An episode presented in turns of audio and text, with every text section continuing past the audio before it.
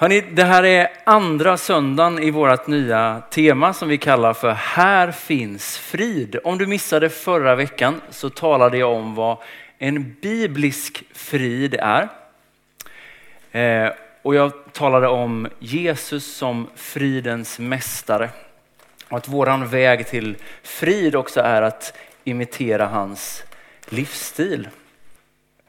Innan vi går vidare i temat så ska jag berätta om de här tre korten som ni har fått. Jag är ledsen att ni trodde att det var godis. Det hade ju varit ett smart trick att lägga in en godisbit också. Ni har fått tre stycken visitkort som ska fungera som inbjudningskort till våran alfakurs som startar den 27 september. Det är några veckor kvar dit. Alfa är en fantastisk introduktionskurs i kristen tro den är väldigt existentiell och alla frågor är välkomna. Och jag skulle vilja säga att det absolut bästa sättet att bjuda in till en alfakurs är att också själv gå den. Så jag skulle verkligen vilja utmana och uppmana, eh, uppmuntra dig till att ta ett av de här korten Ge det till en vän, en kollega eller en släkting och så anmäler ni er och så går ni tillsammans den här kursen i höst. Den kommer gå på tisdagar klockan 18.00 till 20.00 här i kyrkan. Varmt välkommen att hänga på Alfa-kursen i höst. Så nu kan vi gå in i en bön för den här predikan. Herre, tack att eh, vi får komma inför ditt ansikte den här dagen, Herre. Jag tackar dig att du vill tala till oss genom ditt ord. Uppfyll våra hjärtan och våra tankar, Herre. Jag ber att det som bara är ord ifrån mig ska glömmas bort, Herre, men det som är ord ifrån dig, Herre, till de öppna hjärtan som finns här, ska få bestå, Herre. Jag tackar dig för att du är här, Gud, du vill tala oss till oss genom din heliga Ande, Herre. Vi lägger den här predikan i dina händer. I Jesu namn. Amen. Jag är uppväxt i skogen i Småland. När jag var liten så hade jag sju kilometer till skolan och jag hade fyra kilometer till närmsta lekkamrat. Jag har många minnen av tristess i min uppväxt. Ni vet den här långa vägen hem med skolbussen. Eller den där regniga dagen på landet när det inte fanns någonting att göra tyckte man. Eller den här långa färden till ICA Kvantum när man skulle handla med föräldrarna. Jag vet att för en del av er, ni som har växt upp i den liksom digitala revolutionen, så, så är det svårt att tänka, men det har funnits en tid när det inte fanns Instagram, TikTok, Blocket-surfning och Candy Crush. Men jag har liksom precis fått uppleva den där tiden. Och jag vill inte på något sätt säga att vi ska tillbaka till det. Jag tror verkligen inte det är en bra idé. Vi är liksom mer effektiva än någonsin. Men de där stunderna av tristess, de var en möjlig portal till bön.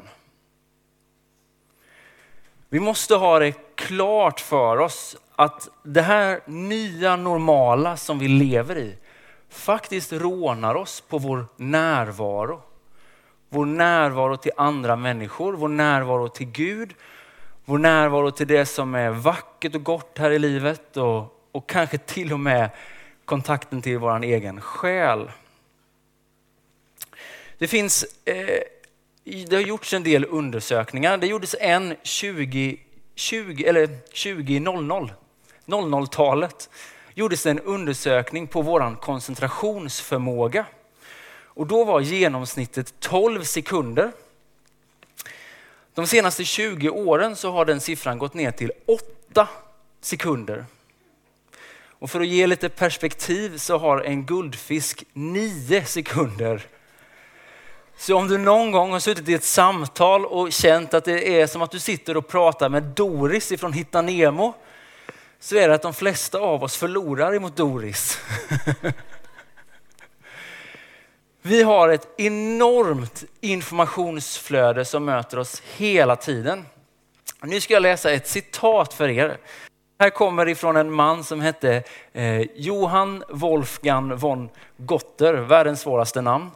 Han är en tysk så här, kulturprofil som levde på 1800, 1800-talet. kom småländskan fram där också. Han, han sa så här, han oroade sig för det där växande informationsflödet. Och så sa han så här, det här skrev han alltså 1833. Jag ser det som den största katastrof av vår tid. Vilket gör att ingenting kan mogna, att varje ögonblick konsumeras av nästa. Har vi inte redan tidningar för varje timme av dagen?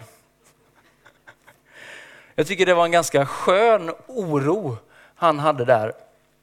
Har vi inte tidningar för varje timme av dagen? Det sätter liksom ord lite på i vilken otroligt speciell tid vi lever. Har inte vi uppdateringar och nyhetsflöden för varenda nanosekund av våran dag? Bara från en armlängds avstånd har vi hela världens nyhetsflöden. Och kanske passar Jesus ord här Alltså vad hjälper det en människa om man vinner hela världen men förlorar sin egen själ? Hur kan du och jag hitta frid i själen? Jag tror att det är en otroligt viktig fråga för oss att ställa oss. Hur kan vi ta del av den frid som övergår allt förstånd? Jag tror att svaret på detta är att titta på Jesus, att imitera hans livsstil. Så nu ska vi titta på Jesus. Vi ska gå till dagens bibelord som är eh, i Matteus evangeliet kapitel 4 och vers 1. Det som precis har hänt innan det här bibelordet, det är att Jesus, han har döpts av Johannes döparen i Jordan. Himlen har öppnat sig, anden har kommit ner i form av en duva över Jesus och man har hört Guds röst säga, du är min älskade son, min utvalde. Det är ett helt fantastiskt, otroligt scenario. Man kan nästan inte tänka sig en, liksom, ett bättre sätt att starta en tjänst. Eller hur? Och så händer det någonting som är lite märkligt och det är det vi ska läsa nu.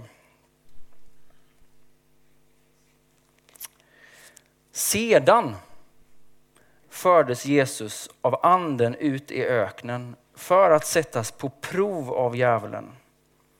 När han hade fastat i 40 dagar och 40 nätter blev han till slut hungrig. Då kom frestaren till honom. Jesus förs ut i öknen. Här är det grekiska ordet eremos och det kan översättas på lite olika sätt. Så om du har bilden av att Jesus vandrar runt i sand och hetta så måste det nödvändigtvis inte vara så. För Eremos kan också betyda öde trakt, enslig plats, ensam plats, tyst plats, vildmark. Poängen är att Jesus går dit ingen annan människa är. Han går ut i tystnad, han går ut i ensamhet. Jag har alltid läst eh, det här bibelordet lite som att alltså det är så typiskt djävulen. Han kommer liksom efter 40 dagar när Jesus är trött och lite hangry. Jag känner själv mycket med den här Snickers-reklamen. Du är inte dig själv när du är hungrig. Och då kommer han. Men jag tänker helt tvärtom nu. För det är anden som leder Jesus ut i öknen. Han är inte där av en, stru, liksom en slump och vimsar runt i ödemarken. Utan det är anden som leder honom ut i den här trakten. När Jesus möter djävulen så gör han inte det när han är som svagast. Han gör det när han är som starkast. För det är i tystnaden och ensamheten som Jesus hämtar sin kraft. Om ni inte tror mig så har jag några andra exempel. Man hade kunnat ha många fler. Precis innan Jesus utser de tolv lärjungarna så står det vid samma tid gick han upp på berget för att be och natten igenom bad han till Gud. När han fick nyheten om att Johannes döparen var död så står det att när Jesus hörde detta drog han sig undan och for över sjön till en öde trakt för att vara ensam. Så snart, och sen efter matundret så står det här att så snart han hade gjort det gick han upp på berget för att vara för sig själv och be. Och efter ett predikouppdrag med lärjungarna så uppmanar Jesus sina lärjungar att följ med mig bort till en öde trakt. Man hade kunnat ha väldigt många fler exempel, men min poäng är att Jesus var Guds son, men han hade liksom inte huvudlinjen upp till Jesus, eller till Gud, Fadern, hela tiden, utan han levde ju under samma mänskliga förhållanden som du och jag. Han behövde tystnaden. Han behövde söka sig ut i ensamhet. Vi pratar ju ofta väldigt mycket om eh, gemenskap i kyrkan. För gemenskap är någonting som håller oss samman. Men du och jag, vi behöver både ensamhet och då talar jag om självvald ensamhet och gemenskap. Ni ska få ett citat. Det här är från Dietrich Bonhoeffer. Ni som har hört mig predika mycket vet att jag gillar att citera honom. Det här är från hans bok Liv i gemenskap. Han skriver så här. Den som inte kan vara ensam bör ta sig tillvara för gemenskapen. Den som inte står i gemenskap bör ta sig tillvara för ensamheten. Var för sig öppnar de djupa avgrunder. Den som söker gemenskap utan ensamhet störtar ut i ordens och känslornas tomrum. Den som söker ensamhet utan gemenskap går in i fåfängans, självbespeglingens och förtvivlans avgrund. Jag tror att det ligger så mycket sanning i detta. Och jag skulle säga till dig om du finns här som har den där starka känslan av ensamhet och bär på den, så är inte alltid mer gemenskap lösningen. Gemenskap är fantastisk, men den kan inte frälsa oss. Jag har jobbat i den här kyrkan tre år som ungdomspastor för en massa år sedan. Det var fantastiska år, jag är så tacksam för dem. Men under de här tre åren så smög det på sig en känsla hos mig. Den var inte rationell, den hörde inte, liksom, hade inte så mycket med verkligheten att göra, men den var stark och den gjorde lite ont. Det var känslan av ensamhet. Och jag tror att den grundade sig lite i att Majoriteten av mina fredagskvällar spenderade jag i kyrkan och jag tyckte det var väldigt roligt att vara här.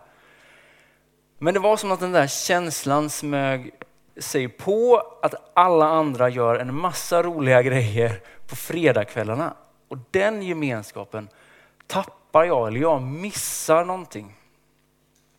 Då kan man ju tro att lösningen på det där skulle vara att liksom göra någonting annat ett tag och satsa mer på gemenskap. Men det var inte lösningen, inte för mig. För den där känslan av ensamhet hängde kvar. Den hängde kvar i några år efter. Lösningen för mig var självvald ensamhet. Under en period så tog jag den bästa tiden jag hade tyckte jag. Det var ibland fredagkvällar och ibland lördagkvällar. Och istället för att försöka jobba för att hitta ett umgänge eller se till att någonting hände så tänkte jag, nej men jag säger nej den här kvällen. Jag väljer att vara själv den här kvällen. Jag sätter på en lovsångsplatta där hemma. Jag bad, jag talade i tungor högt. Jag satsade på gemenskapen med Gud, den självvalda ensamheten. Och det var så läkande för mig. Det ligger någonting i det där att den som söker eller kämpar med ensamhet inte alltid liksom mättar det behovet i mer gemenskap. Så vi behöver då och då också söka eh, den självvalda ensamheten. Nu tänkte jag rita lite, går det bra? Jag tänkte rita ett träd. Ser ni att det är ett träd? Det är rötterna till ett träd. Att försöka hitta stunder under din dag av tystnad, det är att vårda dina rötter. Jag vet att det kan vara en utmaning ibland, men jag tror så på att fem minuter på morgonen kan göra skillnad för hela dagen. Att få sätta sig ner, öppna sin bibel, be en bön kan förändra hela din dag. Och låt mig nu vara den första att säga att det är inte alltid jag får till det. Väldigt många av mina månader de börjar med att en fyraåring klättrar över mitt ansikte eller att en tvååring står och skriker mig i örat. Men ibland händer det att man somnar i läggningen klockan nio och sover igenom hela natten. Och så får man gå upp 04.30. Man får gå ner, man får möta tystnaden. Solen har inte gått upp, man sätter på kaffet, man får sätta sig ner, man får öppna sin bibel, man läser en psalm och man ber en bön. Ni som har möjlighet, det är en fantastisk start på dagen. Och om du inte har möjlighet att starta din dag på det sättet så tänker jag att det finns många andra stunder att hitta den där tiden. För en del är det liksom att pausa cykelpendlingen på väg till jobbet eller ta en fem minuters paus i lunchen. Eller att kanske ta en kväll i veckan där man stänger av all teknik. Jag tror att vi har ett så stort behov att ibland stänga av det där bruset för att vårda våra rötter. Och ibland har jag tänkt så här att det går inte. Jag har ju två liksom ungar som jagar mig, eller eh, jag jagar mina ungar hela tiden. Det går inte. Men då har jag tänkt så här, men Jesus hade ju 12 tonåringar efter sig 24-7. Om det gick för honom, ja men då går det också för dig och mig. Nu ska vi läsa ett sista bibelord ifrån Jeremia. Kapitel 17 och vers 7 till 8. Välsignad är den som sätter sin lit till Herren, som litar helt till Herren. Han blir som ett träd planterat nära vatten. Det sträcker sina rötter mot bäcken, det har inget att frukta av hettan. Bladen är alltid gröna, det ängslas inte under torra år, upphör inte att bära frukt. I den här mörkret, i det inre, i tystnaden, i ensamheten så byggs förtröstan på Gud. Det i sin tur det leder till att trädet växer upp och bär frukt. Jag gillar den här sista meningen. Det ängslas inte under torra år. Jag gillar att läsa sådana här undersökningar om olika generationer. Och det finns ju en ny otroligt spännande generation som kallas för generation Z. Det är den generationen som är födda 1995 till 2012. Det är en fantastisk generation. Vi har så många ledare i kyrkan från den här generationen och på många, många sätt är det en mycket bättre generation än min generation. Men när man talar generellt, jag pratar inte om er, så generellt om den här generationen så brukar man säga att det är en generation som är märkt av ängslan. Det ängslas inte under torra år, upphör inte att bära frukt. Låt oss be att vi alla blir generationer som bygger förtröstan i det fördolda. Det kommer, jag lovar er, att bära frukt. Så jag vill utmana dig som är här idag att den här hösten våga söka den självvalda ensamheten. Jag tror att detta är en förutsättning för verklig gemenskap. Jag tror att det är en förutsättning för att ha en relation med Gud. Våga ta tid den här hösten att hitta den självvalda ensamheten. Och sen så skulle jag vilja säga till dig, du som precis som jag har kämpat med den här känslan av ensamhet. Det är inte så att det alltid är mer gemenskap som är lösningen. Vi behöver alla gemenskap. Men mer än allt så behöver våran själ en förankring. Och den förankringen har vi i Gud.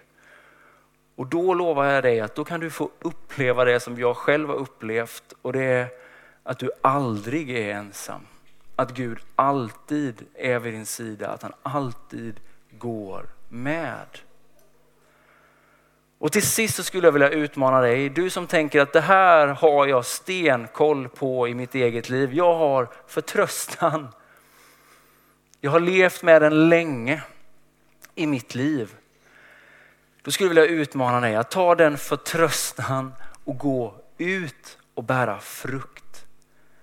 Ett sätt, jag säger ett sätt, skulle kunna vara att ta den här lilla lappen du har fått tipset om att gå en alfakurs i Sollentuna pingst. Ta den med dig till din skola eller till din arbetsplats och våga ge den. Vi ber. Herre, jag tackar dig för att vi kan få möta dig i gemenskapen så här. Men jag tackar dig att också vill forma någonting när vi är själva med dig, Herre. Jag ber för, för alla de stunder av tristess som kan leda till böner, Herre. Öppna våra hjärtan, Herre. Gör oss närvarande, närvarande för våra medmänniskor, Herre. Gör oss närvarande, Herre, för, för dig och vad du gör, Herre. För det som är gott och vackert i den här världen, Herre. Öppna våra ögon, Herre. Öppna våra sinnen, Herre. Och bygg oss en fast grund att stå på, Herre. Jag tackar dig för att du är så god, Herre. Och du har så mycket gott för var och en av oss, Herre. Jag tackar dig att du vill bygga en frid i oss som inte finner någon gräns, Herre. En frid och en fred, Herre, vars välde inte har någon gräns. Herre, jag tackar dig för att du älskar var och en som är här. Du ser den som brottas med känslor av ensamhet, Herre.